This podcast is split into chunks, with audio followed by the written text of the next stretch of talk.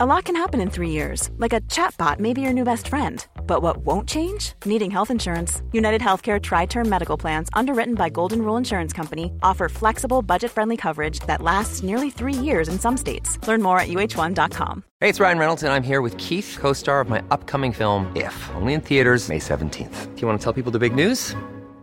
All right, I'll do it. Sign up now and you'll get unlimited for $15 a month in six months of Paramount Plus Essential Plan on us. Mintmobile.com slash switch. Upfront payment of $45 equivalent to $15 per month. Unlimited over 40 gigabytes per month. Face lower speeds. Videos at 480p. Active Mint customers by 531.24 get six months of Paramount Plus Essential Plan. Auto renews after six months. Offer ends May 31st, 2024. Separate Paramount Plus registration required. Terms and conditions apply if rated PG. Ever catch yourself eating the same flavorless dinner three days in a row? Dreaming of something better? Well, HelloFresh is your guilt-free dream come true, baby. It's me, Kiki Palmer. Let's wake up those taste buds with hot, juicy pecan-crusted chicken or garlic butter shrimp scampi. Mm. Hello Fresh. Stop dreaming of all the delicious possibilities and dig in at HelloFresh.com. Let's get this dinner party started.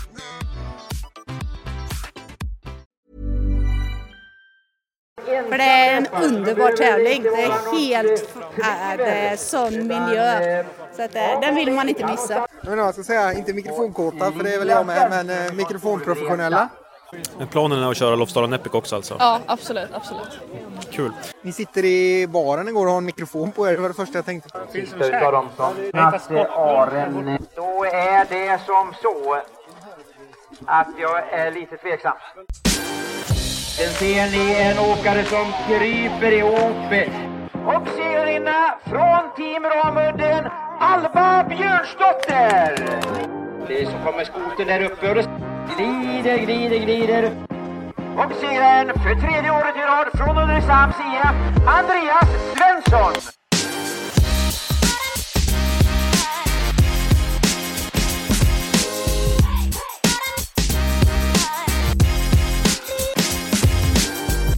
Då säger vi välkommen till ännu ett avsnitt av Långloppspodden och eh, med det där introt så vill vi liksom locka in till ett eh, ja, men fortsatt lyssning. För vi har ju varit eh, på Bessemerloppet Alexander i den här helgen. Ja men det har vi. Vi brände ner till, vad var det, Gävleborg lär det ju vara va? Ja. Och fick uppleva en riktigt fin tävling i helgen.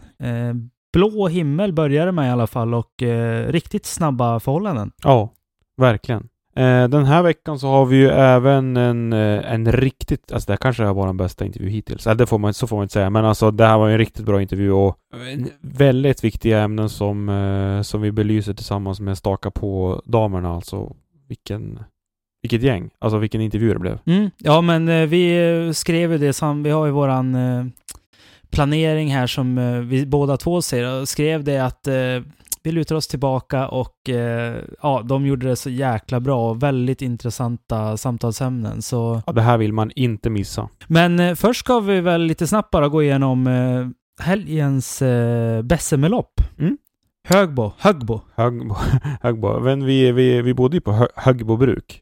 Vad har du att säga om det stället? Det var ja, jävligt fint. Jag sa ju det ganska snabbt att eh, hit skulle man ju dragit något gäng och åkt skidor och ätit god mat och så. Eh, jag tog också PB dyraste lagerölen jag någonsin har köpt. Eh, men det var ju väldigt fint ställe sådär, så det, eh, det, det kan väl få vara så. Väldigt bra frukost måste jag säga. Eh, Jag tror 95% av allting var hemmagjort som var på den buffén faktiskt. Riktigt bra. Ja, hela anläggningen alltså med boendet så nära skidspår och hotell som var... Alltså det var ju jäkligt bra planerat. Mm. Ja, du ser vad jag fokar på. Jag bara snackar mat direkt när du frågar vad jag tycker.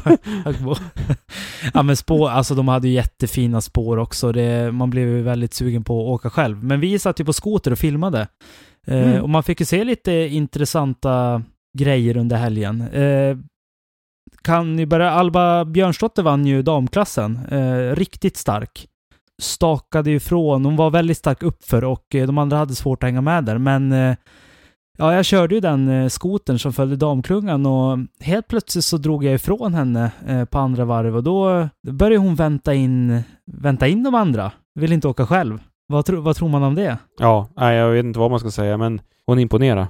Verkligen. Ja, men, men tror hon ju vänta för att eh, Eh, alltså, man, det, hon känner att det är för långt kvar för att köra solo hela vägen, att det kanske blir så tungt så att de kommer ikapp senare, eller eh, eh kan det här vara lite, eh, jag, jag drar en parallell till fleten liksom, som att man kanske förra året, att man inte har riktigt har eh, den känslan i sig att eh, man klarar att gå själv ända härifrån. Jag vet inte. Jag, alltså jag tog det ju som ett tecken på att hon var riktigt, riktigt stark och hade så, att hon kände att hon hade en riktigt bra dag. Men eh, ja, bra Mm. fråga. Ja, jag bara tänker att det kan, eh, det kan vara mycket. Man, eh, man ser ju inte vad åkarna tänker. Alltid i alla fall.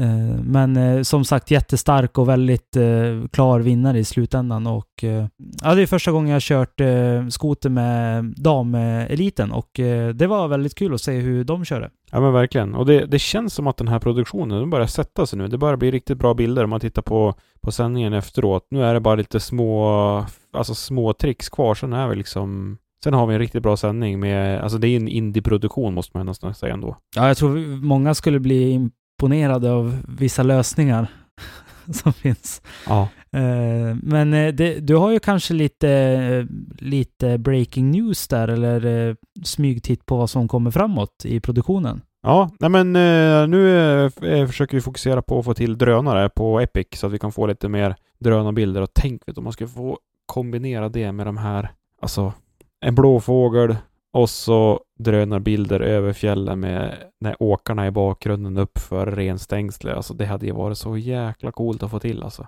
Och att det kan kablas ut då. Mm. Förra året där när man kom bakom med skotern och såg dem i motljus där mot den vita bakgrunden, det var det är mäktiga bilder alltså.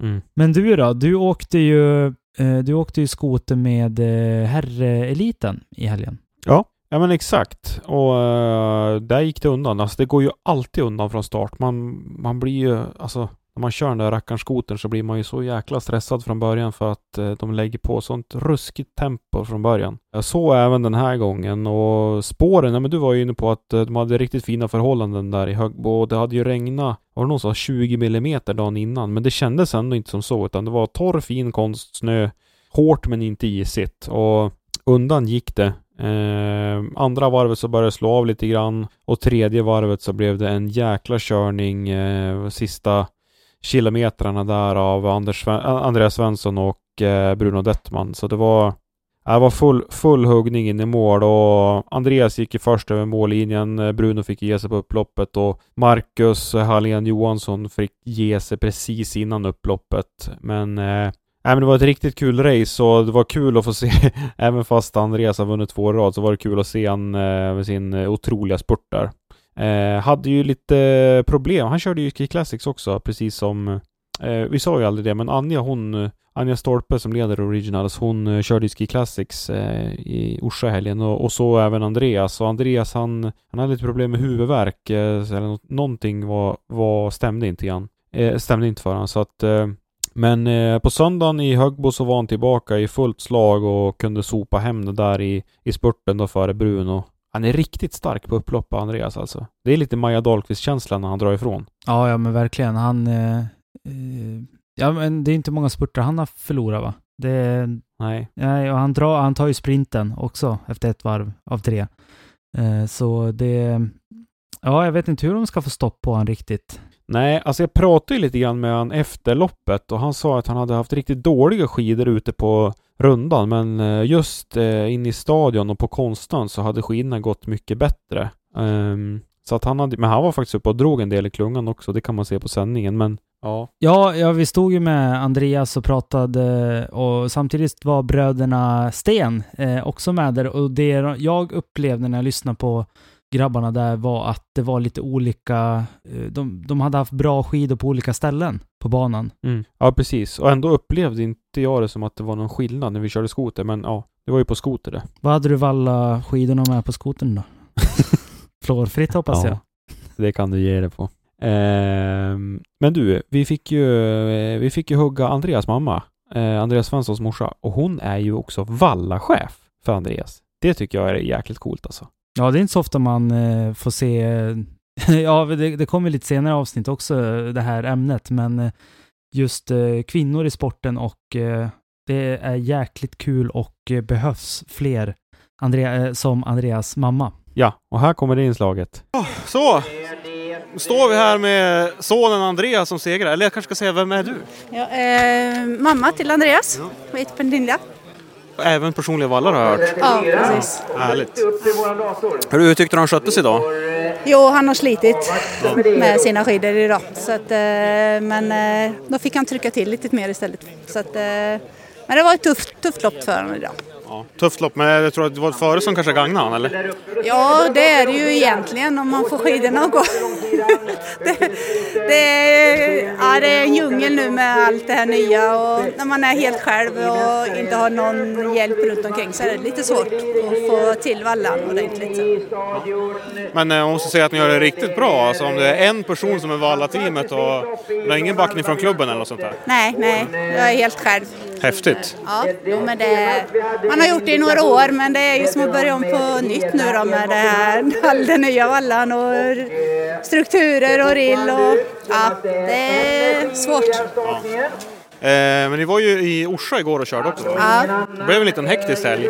Ja, det blir det. Men det är det som är roligt. eh, ja, man måste älska det här för att orka med det. Så är det bara. Men bodde ni här i natt eller körde ni? Nej, vi har åkt från Falun. Okej. Så vi har bott där då. Tidig morgon. Ja. Fast idag fick vi lite sovmorgon. Idag var vi halv åtta så det var lite skönt. Ja, det är inte så himla långt. Nej, det är det inte. Nu står vi och pratar om Andreas här, det var inte meningen. Men det var kul att få en pratstund med dig. Eh, Blir du med till Lofsdalen Epic också då? Ja, det är det tänkt i alla fall. Bara hoppas att han håller sig frisk. Så att, eh, för det är en underbar tävling. Det är helt äh, det är sån miljö. Så att, eh, den vill man inte missa. Underbart. Ja, men tusen tack för att vi fick prata med dig lite. Tack så mycket. Tack. Ja, du ser vad Epic klockar. Det, det här gäller. Det här händer. Ja ja men alla vill till Epic. Nej, men nu, vi ska inte bli så jävla självgoda, men eh, det är kul att höra att folk pratar om den tävlingen. Faktiskt. Vi lägger ner mycket tid på den. Ja, men det gör vi verkligen. Och eh, det är nu det börjar bli kul när det börjar närma sig och man känner att det börjar bli lite spänning och många som börjar... Ja, det, det är ju Vasaloppet kvar nu då, eller ja, va, hela Vasaloppsveckan, Tjejvasan och Vasaloppet som har mycket fokus. Men efter det, då är det ju, det är väl Epic som är vårt stora eh, mål då, eller hur man ska säga, och eh, ett av de stora långloppen som är kvar efter, eh, här i Sverige i alla fall. Mm. Ja, nej, men verkligen. Men du Max, du har ju pratat en del med mig om Leo Svan och hans utvecklingskurva den här säsongen. Ja. Men du, du berättade, han, vad, vad var han kom på första Originals-tävlingen? Ja, men exakt. Alltså, vi har ju pratat precis, eller tidigare om att han har haft en väldigt brant utvecklingskurva. Jag fick ju chansen att prata lite grann med han nu efter BSM-loppet. Alltså, han slutade ju 55 på Craft Ski Marathon. Och så sen har det ju bara blivit bättre och bättre. Men så var jag ju tvungen att fråga, för, för på Craft Ski Marathon, och där är jag alltså åtta minuter efter Andreas Svensson. Alltså frågar jag han nu på BSM-loppet, alltså hur kan, det, hur kan det komma sig att du har liksom tagit så pass stort eh, kliv? Och han menar väl på att han kanske inte har varit så långt bak, men eh, han berättar ju bland annat att under Craft så hade han ju missat, eller någon hade ju missat att borsta en skida. Så att han hade ju en cyklad skida, men den var ju inte borstad. så att det hade inte gått så jävla bra då.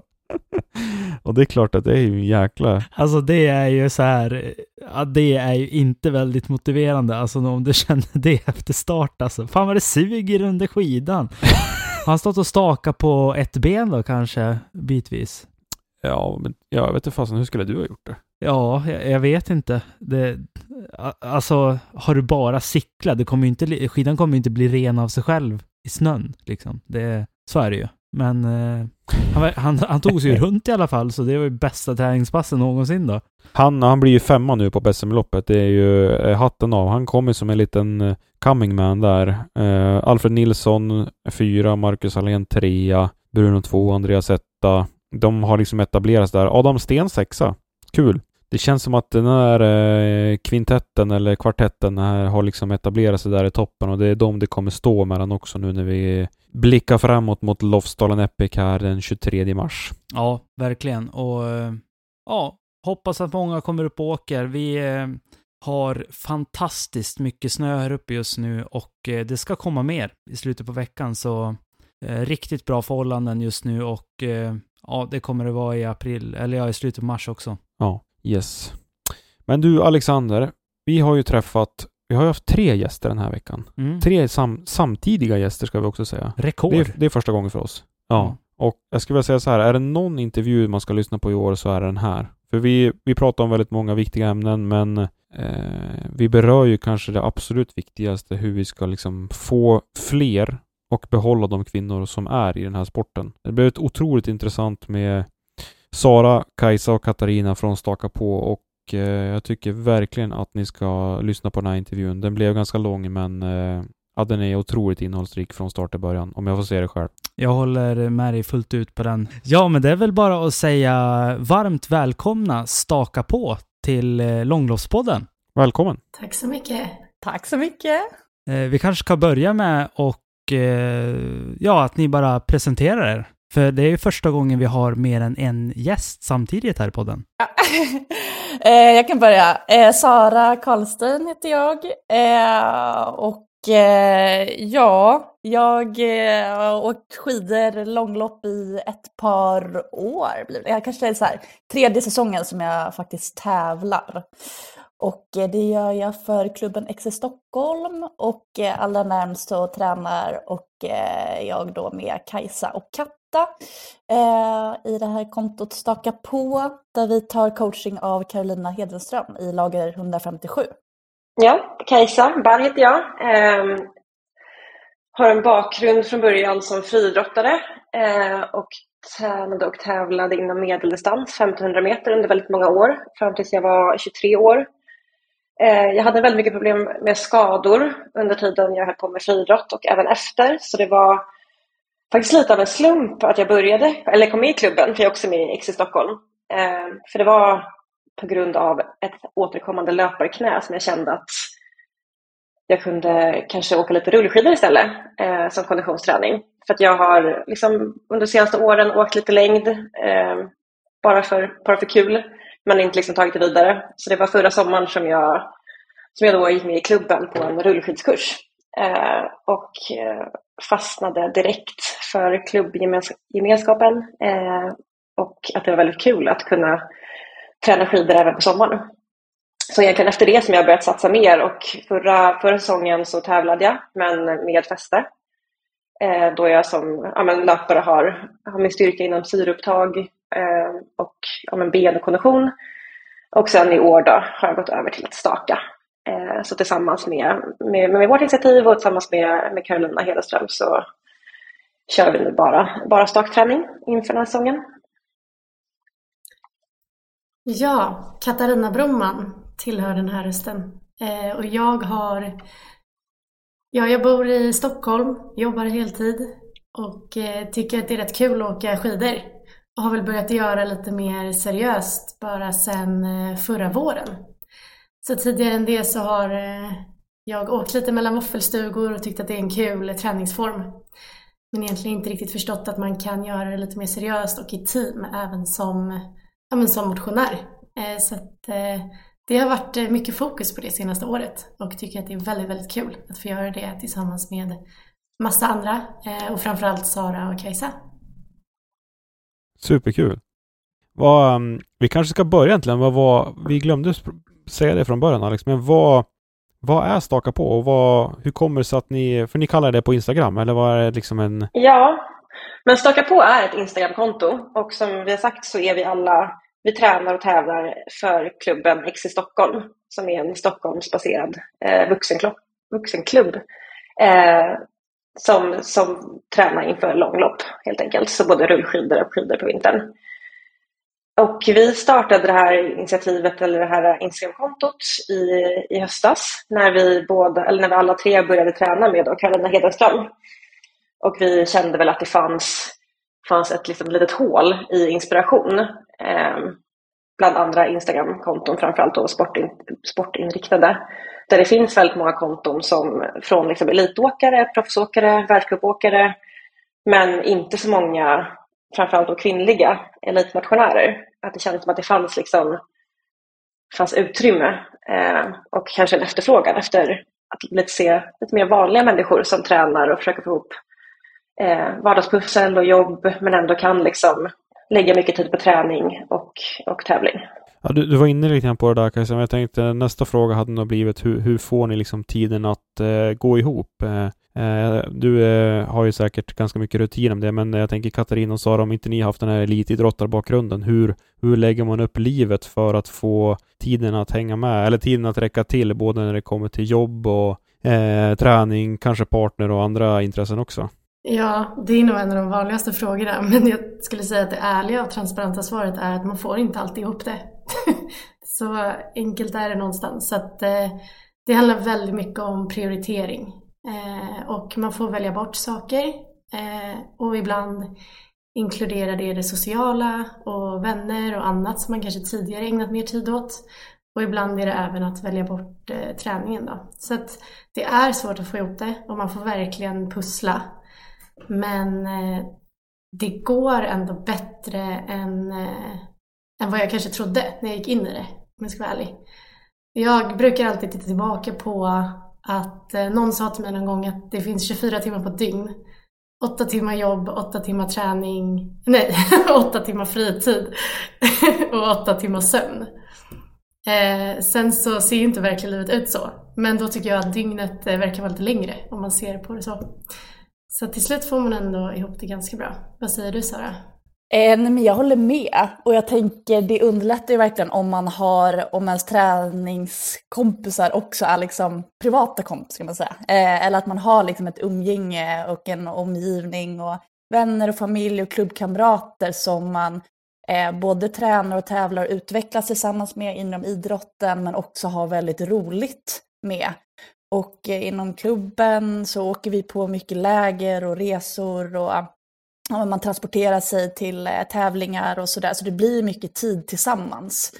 Eh, och jag tycker det är ett väldigt härligt sätt att umgås och man kommer varandra väldigt nära. Eh, och många som kämpar och sliter liksom hårt, har höga mål och det är så himla kul att dela. Alltså det är ju typ eh, liksom mer än halva grejen, att dela det här tillsammans. Eh, så att eh, lägga de här timmarna blir värt det när man eh, får uppleva det tillsammans, tänker jag. Så att, det, att man har liksom en, eh, en omgivning och anhöriga som eh, stöttar en eh, och som man helst då kan dela det här livet med. För vi alla har ju partners som också åker skidor och som faktiskt är med i klubben också. Så på så sätt så har vi det väldigt bra. Eh, och sen får man hitta sätt i, i vardagen. Eh, vi alla har väl mer eller mindre jobb där vi kan eh, ibland jobba hemma eller att man kan utnyttja friskvårdstimmar. Eh, och så får man klämma in träningen eh, där det går. Och jag tycker också, även om eh, för egen del börjat träna mer då med Karo exempelvis, så underlättar och det är en trygghet att ha någon som tänker åt den. Så att jag slipper göra all den här eh, liksom planeringen för min träning och eh, liksom fundera över vilket pass jag ska göra. Utan, eh, det är klart att lite av arbetet, även liksom tankebitarna ligger på mig, men annars finns det ett program och ett schema eh, för mig att förhålla mig till. Eh, så jag kan lägga min tankeverksamhet på, på jobbet eller matinhandling eller liksom andra saker som man behöver få ihop i vardagen. Så det skapar ett lugn också som jag eh, jag är väldigt glad, glad för och som gör att man faktiskt får ut väldigt mycket av det. Ja, eh, väldigt intressant att, eh, att ni ens har börjat med det här tillsammans tycker jag att ni har kommit så här långt och det vi har pratat väldigt mycket om i den här podden är ju att vi vill fler, att fler ska börja med det här och ja, men göra det ni gör nu. Att eh, kanske inte ha hållit på med skidor från tidig ålder men ändå kan ja, satsa och åka långlopp som vi tycker är så himla kul i långloppspodden. Eh, men vad, vad, skulle ni tipsa om det kommer en, ja, som kanske inte har åkt så mycket skidor tidigare eller vill börja om på nytt eller så, vad, du nämner att ha en tränare som har ett program och så kan vara till hjälp. Finns det något annat som är viktigt? Eller en bra pusselbit? Man ska söka sig till eh, personer eller sammanhang som har liksom, kompetens eller kan erbjuda eh, träningsmöjligheter. Eh, man kan göra, gå med i någon klubb, Jannex i Stockholm, eh, som kanske har just, jag har också gått de här nybörjarkurserna, alltså jag var helt ny på rullskidor. Eh, och eh, ja, men så här, man satte trugor bak och fram och man förstod inte hur man skulle bromsa och liksom man slog sig alltihopa. Men vi alla börjar ju där någonstans. Eh, så att göra det tillsammans med andra i exempelvis en klubb kan ju vara eh, en, ett steg på vägen. Eh, anmäla sig till, eller först och främst bara träna ihop, men sen också kanske anmäla sig till ett Tjejvasan eller Öppet spår eh, eller någon tävling eh, och börja liksom i, i motionsklass eh, och se vad man tycker om det. Och förhoppningsvis får man mer smak och börja söka sig mer in i den här, det här livet. Men det är också därför jag tycker att det är, väl, det är en, en sak som vi också vill inspirera med med vårt konto och visa att man faktiskt kan vara del av en liksom, vuxenklubb. För om jag tänker tillbaka som har liksom, hållit på med friidrott hela mitt liv och varit en del av liksom, en klubb på det sättet. Men det var ju liksom en, en, en, barn och ungdomsklubb där alla andra också var barn och ungdomar. Eh, så jag har väl inte riktigt tänkt tanken att man kan på samma sätt vara med i en klubb när man är vuxen. Utan det var också att jag har en annan bekant som var med i Stockholm, så det var lite av en slump att jag eh, kom med i klubben.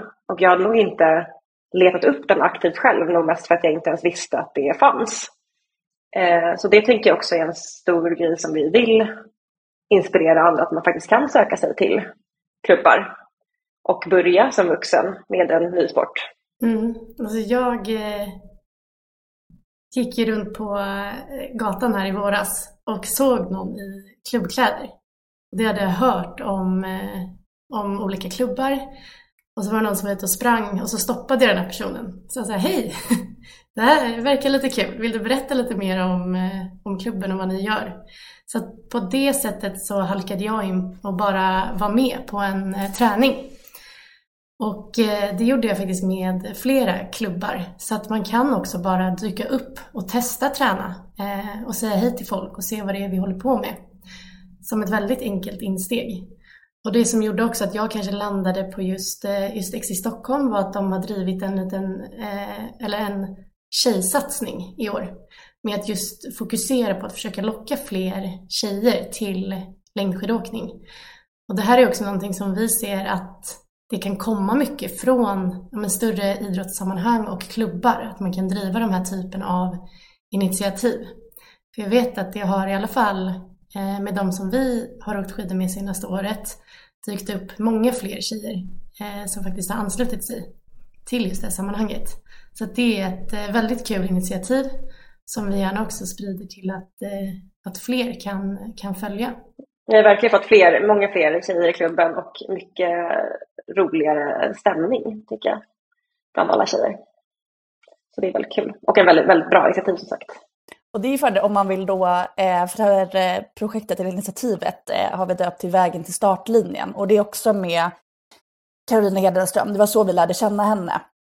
Så det var klubben då i X i Stockholm där jag eh, sitter med i styrelsen eh, också. Eh, för jag tycker liksom föreningslivet då är så himla roligt och det är verkligen en möjlighet att man får vara med och påverka. Alltså vad verksamheterna och vad pengarna ska gå till och man får driva projekt och komma med idéer och utveckla och få andra att utvecklas och växa. Eh, så det var någonting vi pratade med Karro om eh, och spånade kring, om inte det vore roligt, att göra någonting särskilt då för eh, kvinnor. För precis som resterar liksom sporten i stort eh, och i Vasaloppet så är även vår klubb så har vi under representation av eh, kvinnor, även om det ser ganska bra ut. Eh, det är typ 60-40, med 60% män och 40% kvinnor.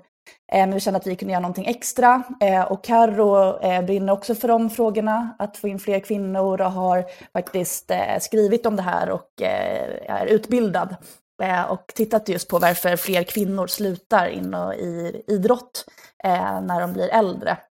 Så då försökte vi adressera det problemet och då la extra krut det här året på tjejer i klubben. Så vi har haft ett par gemensamma träffar då med eh, Carro, eh, förlaget 157 och där även vissa andra från teamet, bland annat materialare, har kommit eh, och hållit föreläsningar.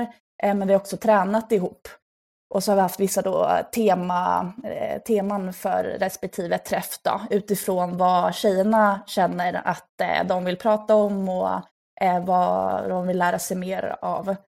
Eh, och vi har även haft digitala liksom, träffar, så vi har med verkligen så här, regelbundenhet eh, träffats och haft uppföljning och eh, pratat om alla möjliga hinder som kan finnas för att få träningen gjord eller för att komma till start eller för att slutföra ett lopp. Både liksom mentala bitar och fysiska bitar eh, som kan vara utmanande.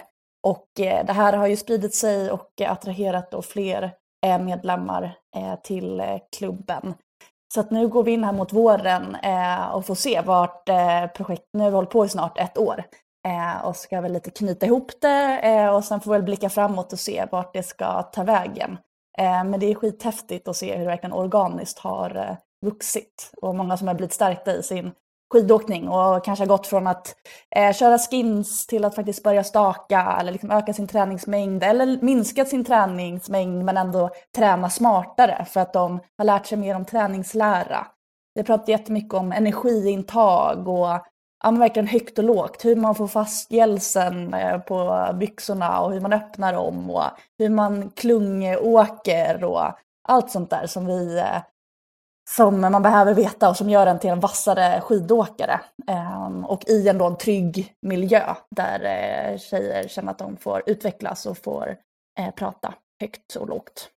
Men det eh, var otroligt inspirerande att höra och eh, I mean, jag vet inte hur du känner liksom, men jag blir så himla glad av att höra att för det jag tolkar ur det här det är att ni har egentligen jobbat med att sänka trösklar och inspirera eh, på så många sätt som möjligt. Mm exakt. Eh, jag varit lite nyfiken där Sara, du, du tog upp det här med Karolina eh, Hedenström och det jobb som hon har gjort med varför, varför just kvinnor slutar så pass tidigt eller slutar tidigare än män. Eh, finns det några fynd som du kan dela med dig av? Jag tänker det kan vara intressant för lyssnarna att få höra också.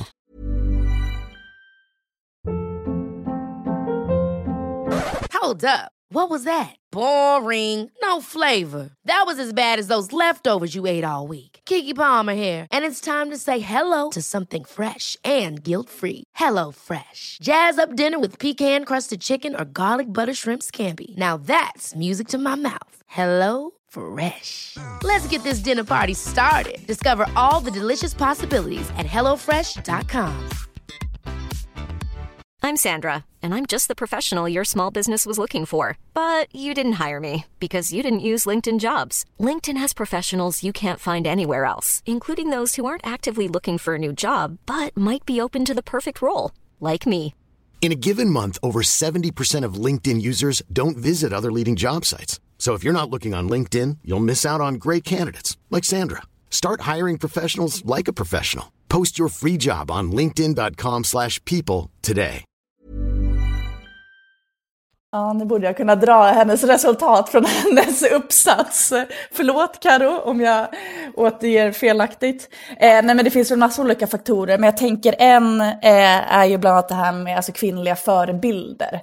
Eh, att det kanske saknas kvinnliga, dels ledare, eh, då att det främst är liksom manliga ledare men för barn och ungdomsträning.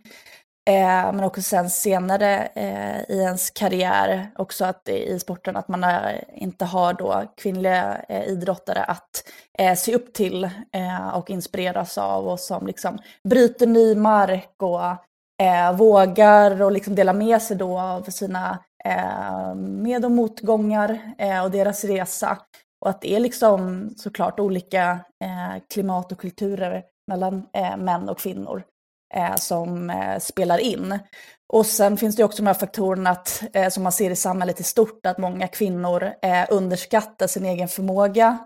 Eh, och eh, man ser exempelvis i Vasaloppet att det är liksom färre eller fler kvinnor som säljer sina startplatser inför Vasaloppet för att de kanske tänker att de inte har då tränat tillräckligt, tillräckligt förberedda. Eh, och motsvarande liksom män då eh, i högre utsträckning kanske eh, kommer till start. Eh, men också att eh, många kvinnor håller längre under själva Vasaloppet medan många killar går ut väldigt hårt. Eh, och även det är liksom symptom på att de har övertro på sin eh, förmåga. Eh, så det är väl lite, lite av sådana saker som vi har, vi har pratat om i projektet också, vad det, vad det beror på och hur vi kan komma komma runt det. Eh, att kvinnor då ska liksom få en ökad tro på sig själva, våga misslyckas. Eh, och många gånger kanske inte ens är ett misslyckande, men man får det att framstå, eller man upplever det som ett misslyckande. Eh, och belysa sådana såna frågor. Vad tänker ni tjejer? Jag håller med, det är mycket det vi har pratat om också, det här med att, att att själv när man, när man tänker på eh, sina eh, killkompisar eh, där man vet fler som bara kan så här, slänga ur sig att man ska åka Vasaloppet helt plötsligt utan att ha tränat någonting. Medans eh, jag inte har många, eller jag har ingen annan tjejkompis förutom er som jag skulle komma på tanken att åka. Eh, och jag tror att, liksom, att man inte riktigt Dels att man kanske inte ens ser att det är en möjlighet, att liksom, man kanske inte ja, men man kanske sätter upp de hindren för sig själv att, att det, det, är för långt eller det är för jobbigt eller man vet inte, man kan inte. Medan så killar kanske inte har den samma, ja, inte den barriären. Eh, och sen en annan sak som vi pratar om som faktiskt är ganska knepig, det är det här med materialet, att skidor faktiskt är en materialsport. Eh, och där är det ju också så att killarna snackar kanske mer material med varandra. Eh, och det har vi också sagt att så här, en viktig sak eh, för oss och att som sagt att vi har hittat varandra är att vi också har börjat snacka material. Men också att man har liksom, att man kan lära sig av varandra och ja, men bara börja liksom förstå mer vad, liksom, vad betyder olika vallor, vad betyder att en skida har en viss slip. Eh, och att där tror jag kan man ganska, liksom, har man ingen att, att prata med det om Eh, och att man kanske då kanske inte vågar om man inte kan någonting prata med För att som sagt, oftast är det ju större killar, killgäng som är med i klubbarna. Eh, så kan det liksom, ja, att det blir också ett hinder, att man liksom inte riktigt vet, vet materialet eller vet materialsnacket. Ja, det handlar verkligen också om att bara öppna upp och visa lite inifrån den här världen som också är så himla mycket mer än bara Vasaloppet som det ändå kanske pratas mest om. Alltså det finns ju väldigt mycket roliga lopp att åka gällande längdskidåkning. I, både i Sverige... Lausanne Epic. Ja. och eh, nere i Europa. Så att, jag menar, bara det är ju också väldigt socialt och väldigt härligt att träffa många andra i den typen av miljöer och som kanske också tycker om att röra på sig ute i fjällmiljö och att åka runt på till exempel lopp på helger och och tävla och träna är jättekul och jättesocialt och det är som att åka runt på stora event varje helg. Jag får i alla fall väldigt mycket mm. energi av det och det är jättehärligt. Typ stora festivaler. Ja, verkligen. Så att eh, där pratar vi också lite om det här med balansen eh, i, i vardagen, att man får mycket av det sociala på de här eventen eh, som man kanske lägger på träning i, i vardagen. Och sen så har vi också det här att man, kanske, att man ibland kan kanske vara rädd för att, för att tävla, att det känns väldigt seriöst. Men vi sa också, vi tog exemplet när, när jag körde mitt första rullskidlopp i somras. Och så tänkte jag, gud vad sjukt, ska jag åka ett rullskidslopp? Det känns ju jätteseriöst. Eh, men så gjorde jag det och det var liksom ingen, det var jättekul. Och sen var jag inte med med det och sen så var jag jättetaggad på att åka fler lopp. Så ibland kan man bara behöva komma över liksom den här första, eh, ja, första barriären helt enkelt och inse att det, det är kul. Verkligen. Vi åkte ju också under våren, drog vi ju så här en vardagskvällar till Uppsala. Har ju eh, kyrkserien som går.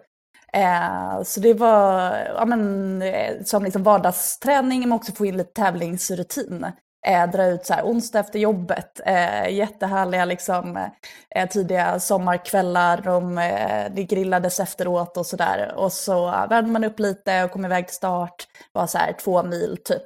Eh, på slätterna i Uppsala blåste satan eh, och det bara vibrerade under fötterna.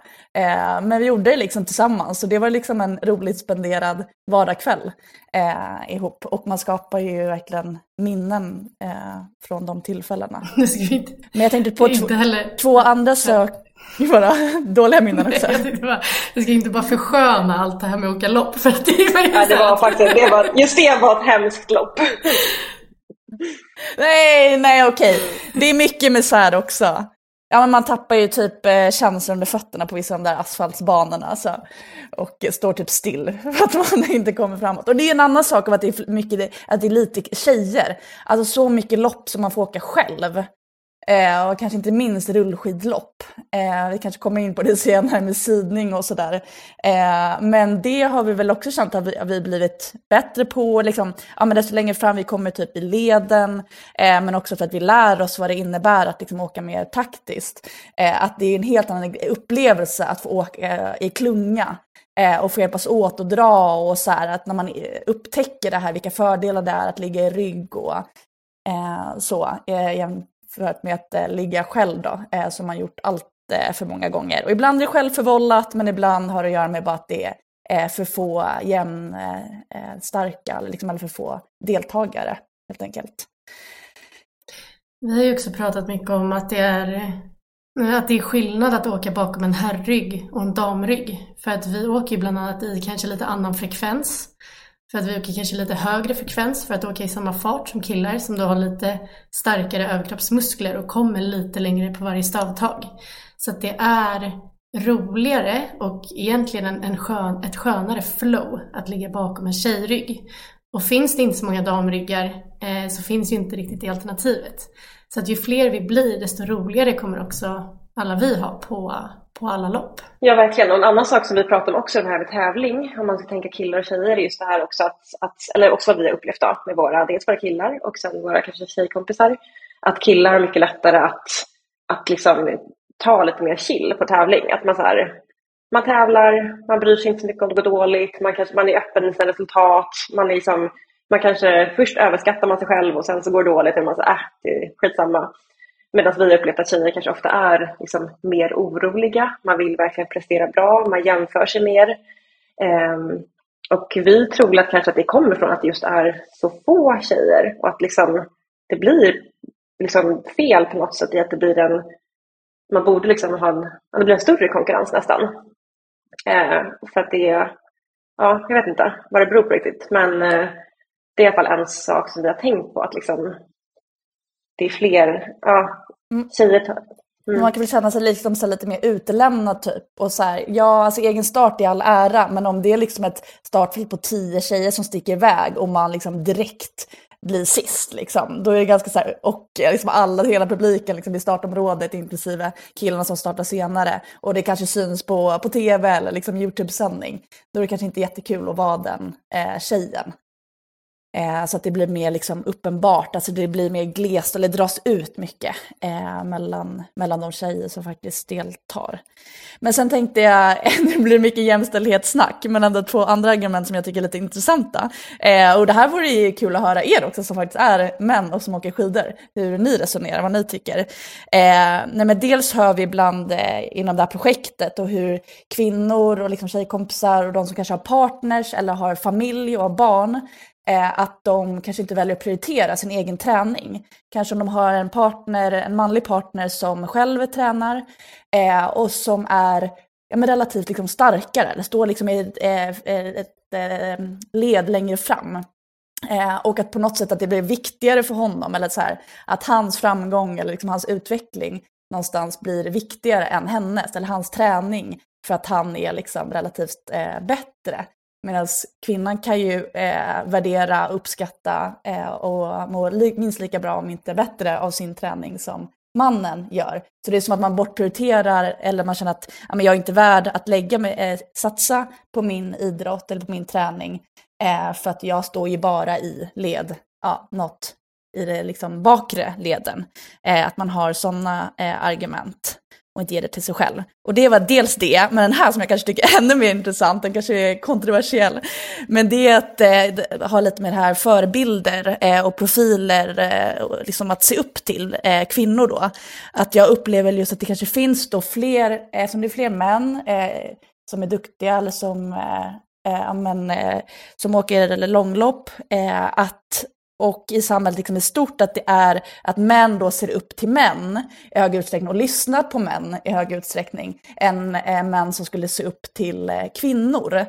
Eh, som antingen som ledare, då dels att det är liksom många eh, manliga ledare eh, inom idrotterna, eh, men sen också då liksom elitutövare och sen de också som kanske kommer och eh, föreläser eller bara deras konton och liksom som influerare blir det att eh, vi följer fler män då, att kvinnors liksom, röst och utrymme inte ges samma eh, liksom, tyngd. Och att som att eh, man som man inte liksom, eh, inspireras eller liksom tar råd eh, kanske av en liksom, kvinnlig idrottsutövare. Utan man följer, det finns ja, mycket liksom, poddar eller liksom, eh, vinnare av olika liksom, tävlingar. Eller, liksom, för oftast är det kanske männen då, Vasaloppet som vinner. Eh, och då att man kan eh, känna igen sig eh, mer som man i en annan man. Eh, och att vi är vana helt enkelt i att lyssna och eh, instrueras eh, och få råd av då liksom manliga coacher och instruktörer. Och att det ligger något i att man liksom inte vill bli, eh, få in, liksom bli coachad eller instruerad av en kvinna. Eh, jag vet inte, vad, vad tänker ni kring det? Är det att sticka ut hakan? Nej, nej, nej. Jättebra. Alltså, jag är, alltså vi hade ju en, en sån här diskussion med Hilda Löv när vi pratade med henne för drygt ett år sedan. Då var jag liksom väldigt tagen, men nu blir jag Ja. fasen golvad alltså. Uh, fy fasen vad bra nu. Nej, jag kände att jag hade svårt att liksom eh, formulera mig, men, men verkligen. eh, jag hoppas att det gick fram. Och jag vill inte vara någon, Nej, nej, nej. framstå som någon manshatare, det handlar verkligen inte om det. Utan jag bara tror att det är så viktigt att liksom synliggöra och ge utrymme för liksom, eh, duktiga och kvinnliga röster. Eh, och att de sitter på otroligt mycket klokskap som borde gå fram Ja, även till absolut. män. Men det tycker jag vi har märkt lite nu i eh, Ski Classics ändå. Vi har ju intervjuat Martin Kristoffersen eh, som är tränare för Ekohus. Går ju skapligt bra för det laget ska man ju säga nu då. Och eh, vi har ju Lina Korsgren. Jag tycker det börjar bli mer framstå. Alltså det är jättekul att det går åt det håll och vi har ju pratat en hel del i podden antar jag också, men ja, bredvid också jag och Max om just det här med hur mycket det betyder med, eh, ja men som Lina nu då för eh, Emilie-fleten, att ha de här, eh, ja men, vad säger man, ja men tränare och någon att se upp till som har gjort det här tidigare och verkligen varit där uppe. Och hur, hur vi ska få ännu fler, det är väl en väldigt svår fråga, men det behövs ju. Och jag vet inte själv liksom hur man, jag, jag satt här och tänkte på vilka ser vi upp till och det har ju varit killar överlag liksom tidigare, men det är väl kanske först nu det har funnits fler att se upp till på tränarsidan och så som har tagit den positionen i längdskidåkningen. Eller, eller vad säger du Max? Nu börjar jag svamla lite känner jag. Nej, nej, men jag, jag håller med. Vi har ju pratat mycket om, om just, eh, ja, men just de två som, vi, har- som du nämnde nu. Martin Kristoffersen som är tränare för Eksjöhus och som har väldigt många damer och herrar eh, under sina vingar. Men plus då Plus att vi har även pratat om, om Emilie Fleten och Lina Korsgren och vi har ju faktiskt planerat ett avsnitt om, om just mental träning och innebörden av mental träning och där är ju Lina Korsgren en drömgäst. Eh, kanske inte framförallt med tanke på att hon har, hon har sådana stora framgångar på åkarsidan utan att hon har ju faktiskt Lyssnar man på en intervju med Emilie Fleten så, så går det liksom inte en mening nästan utan att hon tar upp liksom innebörden av en så pass stark ledare. Eh, så det är någonting som jag har blivit otroligt inspirerad av. Eh, och ska jag gå till mig själv nu, det här, det här kanske blir liksom att hänga ut mig själv. Men jag har ju sett upp till många, ja men jag ser väldigt, upp till väldigt många damer som är mentalt starka. Alltså riktigt, riktigt mentalt starka. Eh, Emilie, Lina Korsken, det har vi pratat om, men kanske framförallt Linn Svan tycker jag har så otroligt härligt mindset som man eh, alltså en vinnarskalle som är, vad ska man säga, väldigt, väldigt ödmjuk men, men ändå väldigt tydlig med att jag är här för att tävla och vinna. Ja, det har verkligen kommit mer inom framförallt då traditionell åkning. Där är ju liksom tjejerna solklart de bästa. Eh, där är ju, tror jag att de flesta, både killar och tjejer, helst kollar på damerna och tycker att de är coolast. Nej, men en annan ganska stor fördel som jag tycker att nästan all skidåkning har, det är ju att både dam och herridrott sänds ju eh, samtidigt på TV. Eh, och nu är det till och med så att det är varannan gång damer och varannan gång herrar som börjar, eh, om man tar traditionell skidåkning då och, och även skidskytte. Så det är en otroligt bra förutsättning för att kunna liksom smeta ut de här stora klyftorna och kanske eh, ja, men lyfta faktiskt damidrotten. Och det, jag, jag är helt övertygad om att hade vi haft separata eh, sändningstider för dam och herrstart, alltså att det ligger typ halvdags åtskilda, så skulle det se helt annorlunda ut. Och jag tror faktiskt att herrarna skulle förlora på det ibland också. Jag vet inte, vad, vad tänker ni? Mm. Men det håller jag med om, att jag tycker verkligen att skidor på så sätt är en väldigt jämställd sport. Att liksom, I och med att det är en individuell sport och jag, tycker, jag tror att många eh, håller med om att man inte, man kollar lika gärna på damerna som herrarna och då framförallt, som kanske, framförallt nu då kanske snarare hellre på, på damerna. Och sen tror jag att så här, ibland kanske också bara det som behövs, att det kommer en, liksom, som Rida Korsken, en, en framstående kvinnlig ledare, att det kanske sätter igång förhoppningsvis. Ehm, att flera blir inspirerade och kanske flera eh, gamla elitåkare också vill bli ledare. Att man ser det som en ny möjlighet. Så det, och det är ju ett typexempel på en bra kvinnlig förebild. Och vi har ju Britta eh, Norgren är ju eh, som expertkommentator på många av liksom, Ski Classics-loppen. Eh, så det är också ett bra exempel på när de, ja, men de har lagt, liksom efter sin karriär eh, bidrar med sin kunskap och expertis och liksom kommenterar på, på loppen och får höra deras röster och synvinklar och perspektiv. Och sagt att det blir en lika naturlig röst eller liksom ett namn eh, som det pratas om. Eh, så att det, jag, jag hoppas och tror att vi går i rätt utveckling där. Och sen har vi också vår, vår egen Carro som dels, jag tror alla vi tre har blivit väldigt inspirerade av, men även så hon liksom gästföreläst för hela klubben. Eh, och där jag vet att liksom även många killar uttryckte att de var väldigt imponerade av henne. Så det kan också bara vara en grej att bara ta in liksom fler. Alltså hon är ju en väldigt stark och modig och inspirerande person. Eh, men det finns ju garanterat många andra som också. Att liksom bjuda in ja, kvinnliga föreläsare eh, istället för manliga. Ja, det handlar mycket om att också bara lyftas och få fler att synas. För det blir lätt i till exempel långlopp också då. Om det är gemensamma starter eller i alla fall starter med väldigt få minuters mellanrum mellan damer och herrar. Så är det oftast att herrarna kommer i mål först och sen mitt ibland alla herrar så kommer första damen. Och även om man uppmärksammar det så försvinner damerna lite i den stora massan inklusive på men alla de här sidningsloppen inför Vasaloppet och även på Vasaloppet. Så att det handlar nog också mycket lite om det här ansvaret kring ja, men media eller kommentatorer att faktiskt lyfta, lyfta fram det också eh, så att de, de får sin plats. Men där hade ju du Sara en, en riktigt bra tanke som slog dig eh, och ett väldigt bra förslag som du faktiskt också har skickat in till, till Vasaloppet. Kan inte du berätta om det? Ja, det Vasaloppet. Jo, absolut. Eh, och nu har ju Vasaloppet haft så utvecklingsprojekt för eh, mer, på, på organisationen och loppen mer jämställda. Men det här hade de faktiskt inte tänkt på, så det var kul att jag hittade en ny grej. Eh, och det slog mig, eh, ja men den här är ju tiden inför Vasan så går i alla fall i vår klubb och jag kan tänka mig i landet i stort också. Många chattar eh, går varma och väntar på de här sidningstabellerna. Så här, måndag, tisdag eh, sitter eh, Vasaloppet då och kollar på eh, hur de ska fördela de som har tävlat från helgen, eh, i vilka olika startled de ska hamna. Och så sitter man och uppdaterar den här eh, pdfen eh, och ser vilket startled man kommer. Och det, hela sidningen grundar sig på eh, den manliga vinnaren, eller vinnaren som ju eh, i princip alltid är en man. Eh, och eh, sen utifrån vinnarens tid då så fördelas eh, platserna i de olika startleden. Och eh, då blir det här namnet och den tiden, eh, den mannen som har vunnit, är det som alla liksom refererar till. Hur långt ifrån vinnaren, som var en herre då, är. Men, och även om sidningen fortsatt kommer vara utifrån herren så är det en väldigt enkel åtgärd att också skriva in damvinnarens namn och tid i sidningstabellerna.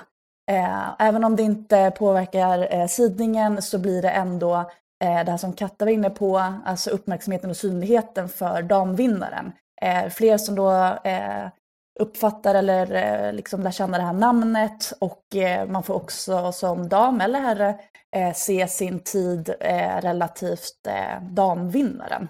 För annars måste vi då som är damer gå in i liksom resultatlistorna och kolla på men vad fick damvinnaren för tid eh, och hur långt efter var jag henne.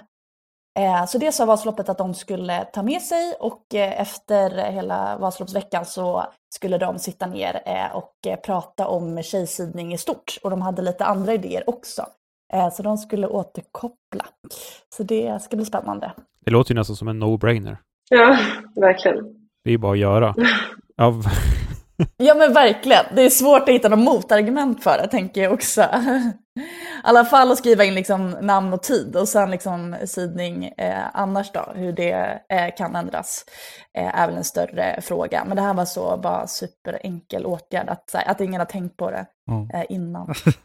eh, vi suttit, jag, jag och Max, jag skriver jävlar vad bra det här blir. han bara lutar dig tillbaka, han skriver här i dokumentet. Jag bara, eh, så det, det, det, här var Äsch. jättebra, men eh, vi, vi har eh, skriver jag före och det här med damstart, egen damstart på lopp och eh, framförallt Vasaloppet som är lite känsligt för att det är den här gamla, ja, jag, jag är Eversbergare och det är den här eh, hymnen och så ska man lyfta och så sticker alla samtidigt. Och, men, men hur ser ni på det här med damstarten? Ni har varit inne på det. Vill, vill man ha det alltid eller hur, Eh, för vi som, vi har ju kört lite skoter på de här loppen nu och det är, det är ofta en avvägning hur långa loppen är, om det är varvbanor och sånt. Hur, hur, ser, hur ser ni på det? Ja, vi har diskuterat väldigt mycket och vi har kanske inte, eller, ja, vi har inte kommit fram till ett bra svar, helt kanske. Men det är verkligen som du, så jag tycker att det har varit, eh, vi tycker att det har varit väldigt bra i de här sidningsloppen, att de har gjort det på ett bra sätt. Att antingen att det varit damstart och där är liksom fördelar och nackdelar för att som där på Craft Ski Marathon, där startade vi i damstarten och vilket var väldigt kul eh, i sig, att spännande eh, och liksom lätt att komma iväg. Men som sagt nackdelen då att vi hamnade själv, eh, eller själva ganska direkt. Eh, I alla fall jag och sen kom liksom killarna i fatt bakifrån och bara susade förbi. Men å andra sidan så, eller har vi också varit med till exempel Engelbrektsloppet som löste det på ett annat sätt. Att man har lättare sidning för damer, vilket vi också uppskattar. Att liksom kunna, liksom, trots att man, ja, att killarna, för killarna gäller en sak och för tjejerna gäller en annan. Och att man då på så sätt kan komma längre fram i leden. Eh, så jag tycker inte att det behöver vara en damstart, men just det här att man i alla fall kan komma längre fram i leden har varit väldigt bra på sidningsloppen. Och sen angående Vasaloppet har vi väl egentligen inget bra svar. För att vi, när vi diskuterade lite tidigare idag så kom vi fram till att här, det är klart att det varit jättenice att ha en damstart där man kan kanske starta tio minuter innan. Men det svåra där är väl vart man drar gränsen. Vilka damer ska få starta i den här damstarten? Eh, ska det vara liksom de hundra bästa och eh, nummer 101 ska då stå bak i led fyra? Eh, och då blir det liksom ingen rättvis tävling mellan damerna internt. Eh, och andra alternativet då är att man skulle bara ha en egen sidning för damer. Att antingen att det bara liksom, ja, förskjuts lite så det är lite lättare för tjejer, alternativt att man faktiskt sidas efter ja, men, bästa dam. Eh, och jag tror att vi, ja, men, jag vet inte, det finns både fördelar och nackdelar med, med, med båda de här alternativen. En sak som vi... Eh, och som Katta, som du nämnde, ja, du kan ju... Nej men eh, precis, en sak som vi eh, tog upp också är att till exempel statistiken, jag tror från förra året, är att det stod i kanske, hur många kan det vara, 40-50 elitdamer eh, i elitled. Och sen så är det kanske fem damer i led 1, 10 damer i led 2 och sen är det några fler damer i led 3. Så att det är ju väldigt svårt som dam att sida sig till led 2 eller 1 och är man så pass duktig att man kanske sidar sig till led 1 så är man elit. Vilket gör att det också blir ganska, alltså alla elitdamer får ju ett ganska stort försprång för resten av damerna står i led 3.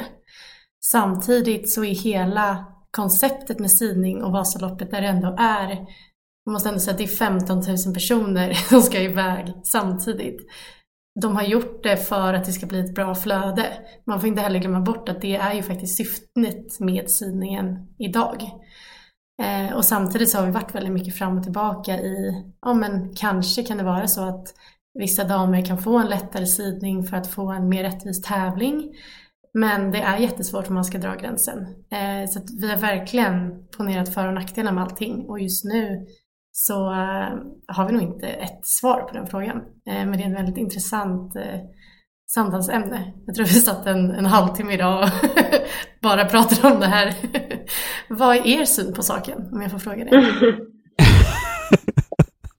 ja, jag fick en ny precis. Eh,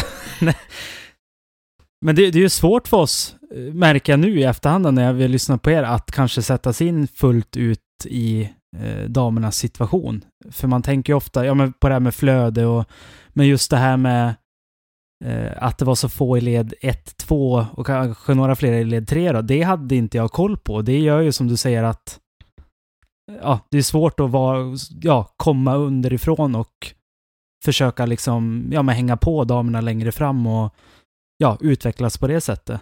Eh, det var, ja det var nytt. Det, ja, det är mycket att tänka på, men så är det här med att man är ju faktiskt bredvid de som är lika snabb i verkligheten också. Det, det är en backe man ska upp 15 000 pers.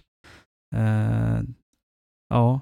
En sak som vi nämnde pratade där också om att jag tror att generellt är det väl så att, eh, om man ska hårdra igen, att, att kvinnor eller tjejer generellt kanske håller längre, att man blir lite bättre på att disponera sina krafter. Att man faktiskt, medan då män kanske är supertaggade, också man hårdrar det går ut hårt men sen inte orkar hela nio milen, att liksom många kvinnor kommer faktiskt fatt många män på slutet, eller andra halvan. Eh, så om man tänker så, så, så här, ja, då, då måste ju alla kvinnor åka förbi alla män på slutet. Eh, och på så sätt kan det också bli ja, lite orättvist. Alltså det som, eh, det som vi har reagerat på, det var väl när eh, eh, Britta vart lite hindrad på upploppet där för eh, ett antal år sedan och eh, det var en herråkare som blev diskad. Och det, alltså Vasaloppet är liksom kronjuvelen av alla skidlopp känns det som och då vill man ju verkligen att det ska vara så pass rättvist som möjligt och att det ska vara alla ska ha så lika förhållanden, eller ja, lika förhållanden men, men lika, samma förutsättningar. Och det är väl det som har eh, rört till det i mitt huvud eller liksom fått mig att fundera på om man kanske borde ha en individuell start eller om man ska liksom lösa det på något annat sätt. Men jag tycker en annan del i den, eller en annan del i hela Vasaloppsproblematiken, det är ju att hamnar man bakom ett par bra killar eh, som dam så har man en otrolig fördel. Och eh, är man in, en dam som inte eh, skulle hamna bakom det gänget så kan man, ja, man hamnar liksom i ett ingenmansland och eh, därigenom så, så går man miste om den här fördelen. Så det tycker jag är lite problematiskt. Eh, så ska man se det liksom ur tävlingsperspektiv så har jag ibland funderat så här, ja men kanske man ska ha en helt egen start. Eh, men det blir ju också, då tappar man ju hela, hela grejen med med loppet. Så att ja, ja, det, ja, det är problematiskt, jag håller med. Det, och jag törs liksom varken säga bu eller bä, men det, det är väl bra att vi diskuterar om det. Ni får bjuda in någon från Vasaloppet, ja. eh, sidningsansvarig, och höra hur de resonerar. Det hade varit jätteintressant. Ja, så det är ju så väldigt svårt för det är som sagt som du säger, det är ju den här stora mattstarten som är grejen. Och att liksom, ja, ska man, som du säger, göra en hel damstart, det blir lite annat lopp. Sen en sak som vi också tog upp tidigare idag var ju det här att man per automatik om man har eh, så FIS-kod eller att man är Ski Classics-åkare, att man har Ski Classics-team, eh, per automatik hamnar i elitled.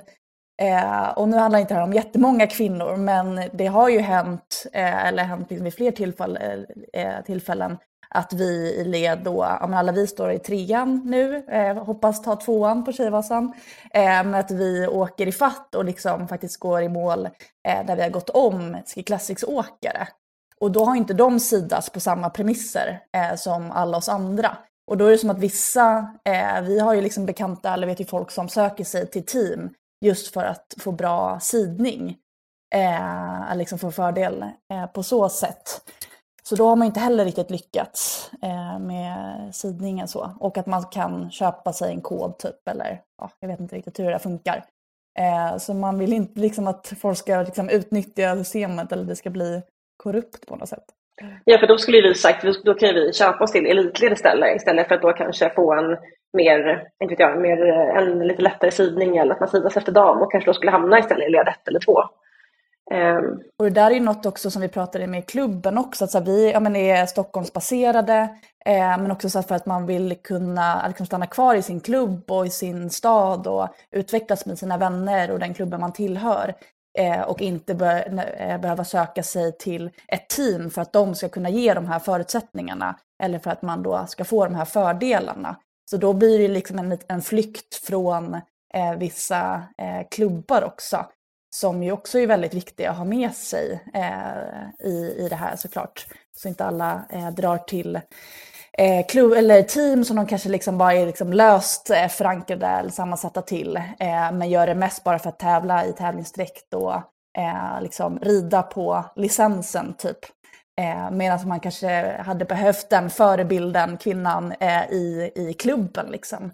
Eh, eller ha möjligheten att själv bygga upp eh, team. Så. Men det kanske är en relation mellan eh, Ski Classics-organisationen och eh, övriga eh, långloppsarrangörer som man måste ha.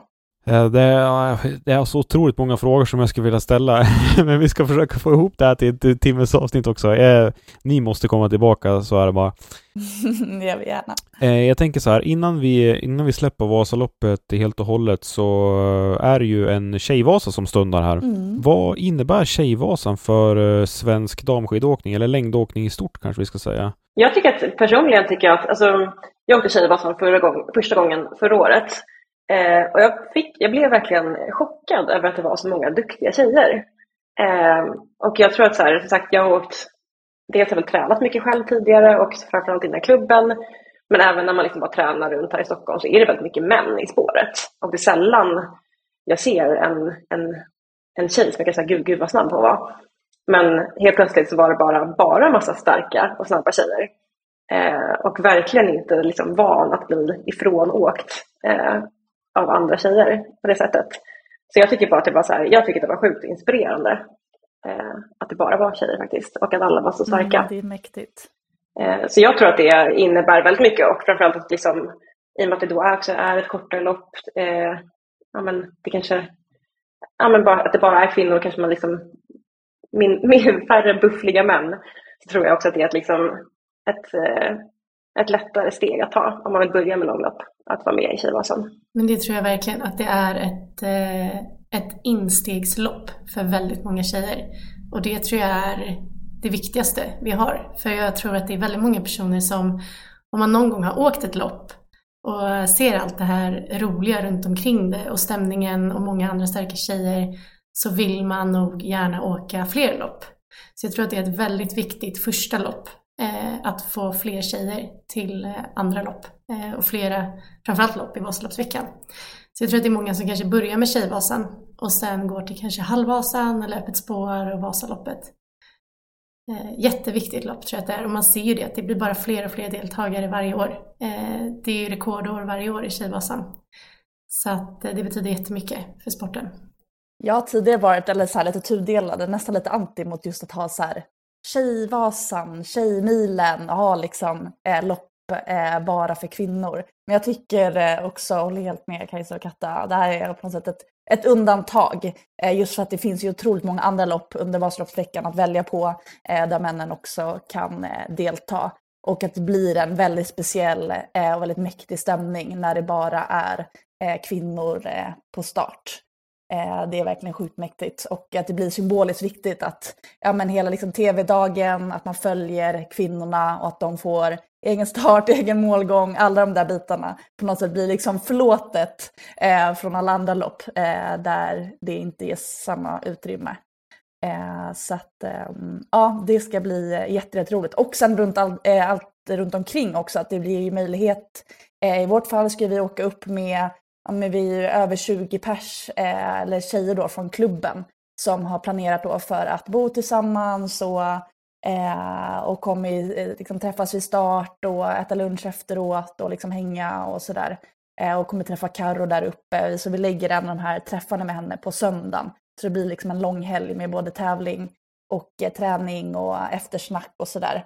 Eh, och att ha, och då är det många liksom tjejer som antingen eh, åker med sina killar som i vårt fall kommer stå vid sidan av och langa. Shoutout till dem så blir de jätteglada. de har haft värsta pro-team-mötet här ikväll. In. om, om langningslogistiken. Så att eh, de är jättetaggade. Och allt det supportet är jättekul. Ja, och de tycker det är så eh, Man märker att det är många som hejar vid sidan om. Ja, men då åker liksom de med upp och så på sidan och liksom hejar fram och liksom ger oss bästa möjliga förutsättningar. Eh, men också att många får kanske åka upp, jag inte, lämna barnen och mannen hemma och bara det här blir deras liksom weekend uppe eh, i Oxberg och Mora. Eh, och så här, det blir lite lägerverksamhet igen, liksom, jag vet förra året sov vi liksom så på luftmadrasser och man håller på att tejpa de här gällen sent på kvällen och liksom ska ta den här bussen på morgonen och gå och köa och eh, solen går upp och det är liksom, ja det är magiskt. Mm, väldigt härlig stämning är det. Jag ser också väldigt mycket fram emot eh, det här loppet på ett annat sätt som vi har sagt innan att kunna ha alltså, fler tjejer i alla nivåer på ett och samma lopp. För då kommer man ju få hitta de här klungkörningarna som man kanske inte alltid gör på andra lopp. Och få uppleva det här med att det är många tjejer på ett och samma lopp. Eh, så det tycker jag personligen också ska bli jättekul att få uppleva. Eh, faktiskt. Jag tänker hur, hur, eh, hur för ni, ni, var inne på det alla tre tror jag, hur, hur skiljer sig stämningen från ett annat lopp när det bara är tjejer? Sara, du sa att det var väldigt mäktigt, men kan, går det att sätta ord på liksom, vad är, vad är det som gör den här magin? Det, det är en hemlighet, det vill vi inte dela med oss av. det får ni aldrig uppleva. Men jag håller med om Sara, det är verkligen, det är verkligen en mäktig stämning. Eh, och jag tror att bara att så här, det kanske kommer från att alla bara känner att så här, jag tror alla är så här, man känner den här gemenskapen bara. Och att alla är väldigt taggade och liksom taggade på utmaningen och att man gör det liksom tillsammans. Och också kanske med det här undantaget, att det liksom inte heller sagt Så vi alla vet att det är, det, är all, det är väldigt sällan man ser så många kvinnor i spåret på lopp. Och helt plötsligt så bara är alla där på samma gång. Så jag tror det är också den känslan som bara är så här, wow. Sen ska man inte sticka under stol med att jag tycker väl att så här, tjejer generellt är lite bättre, om man vill kalla det på att så här, peppa. Alltså det är liksom, vi brukar skoja om det ibland också för vi har olika så här, messenger-trådar i klubben. Vi har liksom en för tjejer och så har det bildats lite så här subgrupper. Eh, någon elitgrupp och så. Och att det är så otroligt mycket liksom kärlek och pepp och liksom hejarop eh, bland tjejer. Eh, så det, och det syns ju och hörs också på, på Tjejvasan. Eh, och det är liksom ja, men, schysst och snällt och eh, det är liksom alla åldrar, det är förvisso på, på Vasaloppet också, men det är liksom eh, att man, man ser varandra eh, och hejar fram varandra på ett väldigt fint sätt. Och känna att det är liksom en timme eller en dag bara för oss. Sen tror jag att det kommer finnas lite buffel också. Jag tror man inte heller ska så här, helt bortse från att det är där framme så kommer det vara lite buffel. Ja, hundra procent. Det är klart. Det ska det vara. No mercy. Men jag tror också att det är lite samma, eller motsvarande upplevelse att i vimlet av kanske alla herrar på andra lopp så är man aldrig riktigt nära kanske dameliten eller andra motionärer utan de försvinner i vimlet. Och här någonstans så är man ju på, på första parkett och får vara lite närmare den delen som man kanske själv kan relatera till på ett lättare sätt. Medan det är kanske det som också många herrar upplever på de andra loppen eller på Vasaloppet, att man får se många duktiga herrar och eliten eh, på nära hand och känna den stämningen.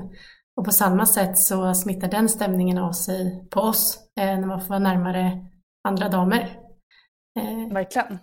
Och att vi faktiskt får stå, stå liksom precis bakom eliten. Att man så här, typ kan ta på dem och känna så här, ja men vi startar samtidigt eh, och är här och liksom när starten går. Eh, och man ser dem liksom på uppvärmningen och så här, men det är ju våra förebilder och idoler. Och känna att de på så sätt är ganska nära liksom.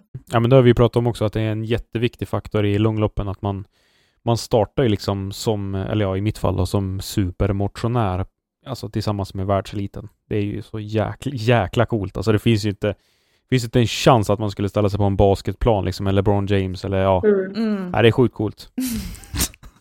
Mm.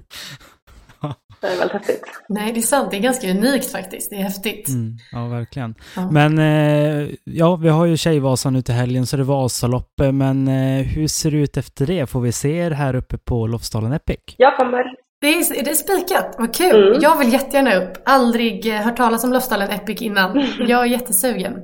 Har inte eh, löst någon logistik eller plats eller sådär. Men eh, det verkar vara ett jättekul lopp. Det är extremt fina spår där uppe. Så jag är bara väldigt taggad på, att, på upplevelsen och hoppas att det är en solig dag och att man bara njuter under loppet. Jag har åkt två år. Eh, och ena året, ja men då var det verkligen alltså, blå himmel eh, och krisp och det var fantastiskt vackert.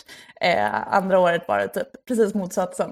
Eh, och det blev inte så mycket av den här afterskin utan man bara typ tog sin eh, wrap eller vad det var och sen bara in i duschen för man var så jäkla kall. Eh, men sen väldigt trevlig bankett och underhållning och middag på hotellet efteråt. Ja, vi- Eh, så vi får se. Det är mycket eh, möjligt att vi kommer upp. Det hade varit väldigt roligt. Kul. Ska ni åka?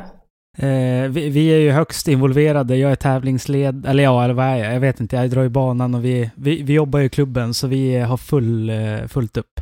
Vi kör ju tv-skotrarna eh, som ska åka med och sända loppet Mm. också. Eh, så Är det samma bansträckning? Eh, ja, det är det. Eh, det är samma. Och du har ju åkt Ja. de två loppen vi haft hittills. Det här är ju tredje eh, året. Ja. Ja, det är det. Ja, men då så. Då blir, Så det blir bara bättre nu. Så vi satsar på lika bra väder som förra året. Så eh, kör vi, blir allt lite, lite bättre i år bara. Det, det hade varit kanon. Ja. Sen är jag lite taggad på att dra upp, eh, det är ju väldigt sent, men Janteloppet i Norge som vi ska Classics-avslutningen. Det verkar vara fett. Det har vi pratat om Riktigt också. party. Ja. Har ni? Ja. Då ses vi där. Ja. Det är bara tio mil. Då kan man typ ta med sig fi, fika eller bara... Ska vi åka lopp om vi åker upp Max eller ska vi vara där och ta lite intervjuer eller? Ah, nej, nej, nej, nej, nej, nej, nej, jag, jag, ja, men jag vill åka det korta. Alltså, Bara gå inte på, vad heter det, Jante, det Road eller vad heter det? Ja, ja. Men just, ja, men vi säger alltså Ja, precis. säsongen är ju så komprimerad. Eh, och Vasaloppet ligger förhållandevis liksom, tidigt sett till att det är så himla mycket fin skidåkning eh, senare liksom, framåt våren. Så det var någonting jag sa till mig förra säsongen, för då tror jag Vasaloppet blev mitt sista lopp. Eh, lite ofrivilligt. Men eh, att eh, jag vill gärna vill liksom senare lägga. Och det behöver inte nödvändigtvis vara tävling, men i alla fall få åka mer skidor.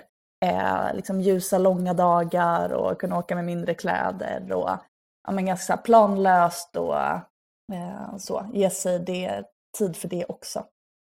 Skaråkning. Precis. Alltså påsken i fjällen är Mm. det bästa vi har i Sverige. Mm. Mm.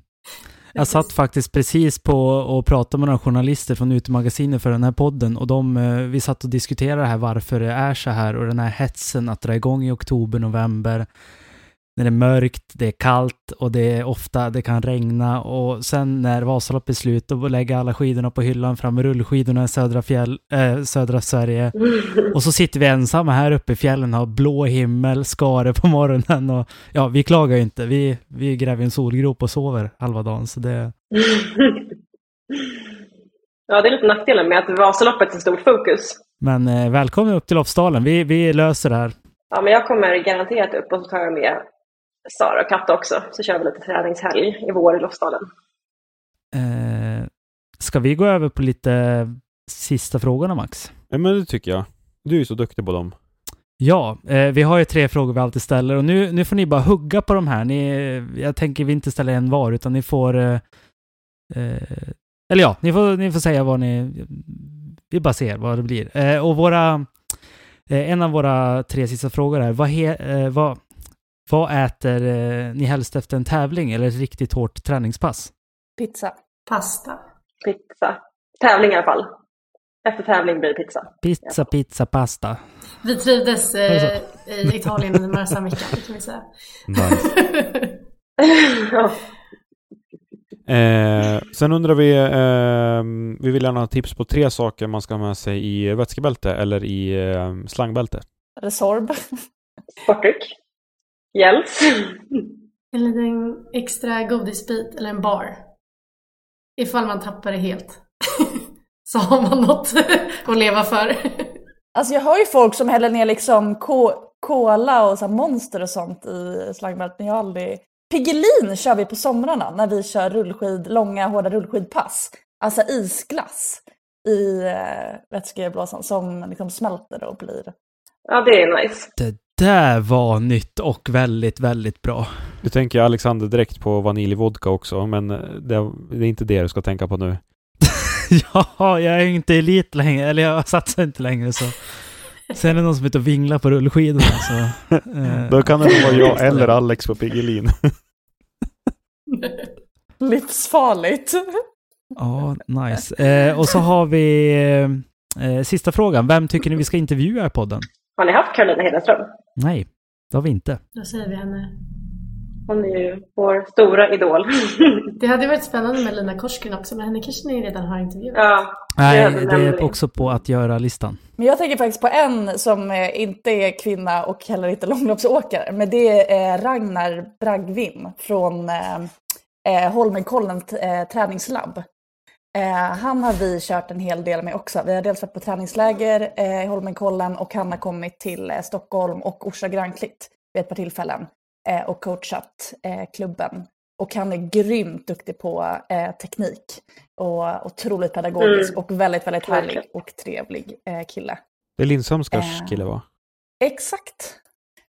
Och han driver då tränings, eh, eller Holmenkollen träningslabb eh, med Marit Björgen och tidigare har väl Sundby, ja de är några som har varit, eller är involverade där och har ju väldigt duktiga åkare i sitt stall. Kul, det var jättebra tips. Mm. Då kan ju ta med Linn, Linn samtidigt också. Alexander, är det dags att tacka för oss? Eller tacka för att vi har blivit gästade av Staka på? Eh, Ja, det känns nästan tack för att vi fick vara med. det, det var så jäkla bra det här. Ja, det, jag håller med. Nej, har vi tagit över er podd nu? Det var inte meningen. Eh, ja, men på ett jättebra sätt och vi, det blir Tacka på på återseende för eh, vi har massa frågor kvar vi vill eh, ställa och det får vi ju ta vid ett annat tillfälle för att ha det här timmesavsnittet vi har, vi har varje vecka. Men Ja, stort tack. Det här har varit jätte, jättekul. Jättekul att ni ville ha med oss och att ni lyfter ämnet. Så um, tack för inbjudan. Jättekul att få vara med. Tusen tack. Hi, I'm Daniel, founder of Pretty Litter. Did you know cats tend to hide symptoms of sickness and pain? I learned this the hard way after losing my cat, Gingy. So I created Pretty Litter, a health monitoring litter that helps detect early signs of illness by changing colors, saving you money and potentially your cat's life. Pretty Litter is veterinarian developed, and it's the easiest way to keep tabs on your fur baby's health right at home. Go to prettylitter.com and use code ACAST for 20% off your first order and a free cat toy. Terms and conditions apply. See site for details. Hold up. What was that? Boring. No flavor. That was as bad as those leftovers you ate all week. Kiki Palmer here, and it's time to say hello to something fresh and guilt-free. Hello Fresh. Jazz up dinner with pecan-crusted chicken or garlic butter shrimp scampi. Now that's music to my mouth. Hello Fresh. Let's get this dinner party started. Discover all the delicious possibilities at hellofresh.com. Mom deserves the best, and there's no better place to shop for Mother's Day than Whole Foods Market. They're your destination for unbeatable savings, from premium gifts to show-stopping flowers and irresistible desserts. Start by saving 33% with Prime on all body care and candles. Then get a 15-stem bunch of tulips for just $9.99 each with Prime. Round out Mom's menu with festive rosé, irresistible berry chantilly cake, and more special treats. Come celebrate Mother's Day at Whole Foods Market.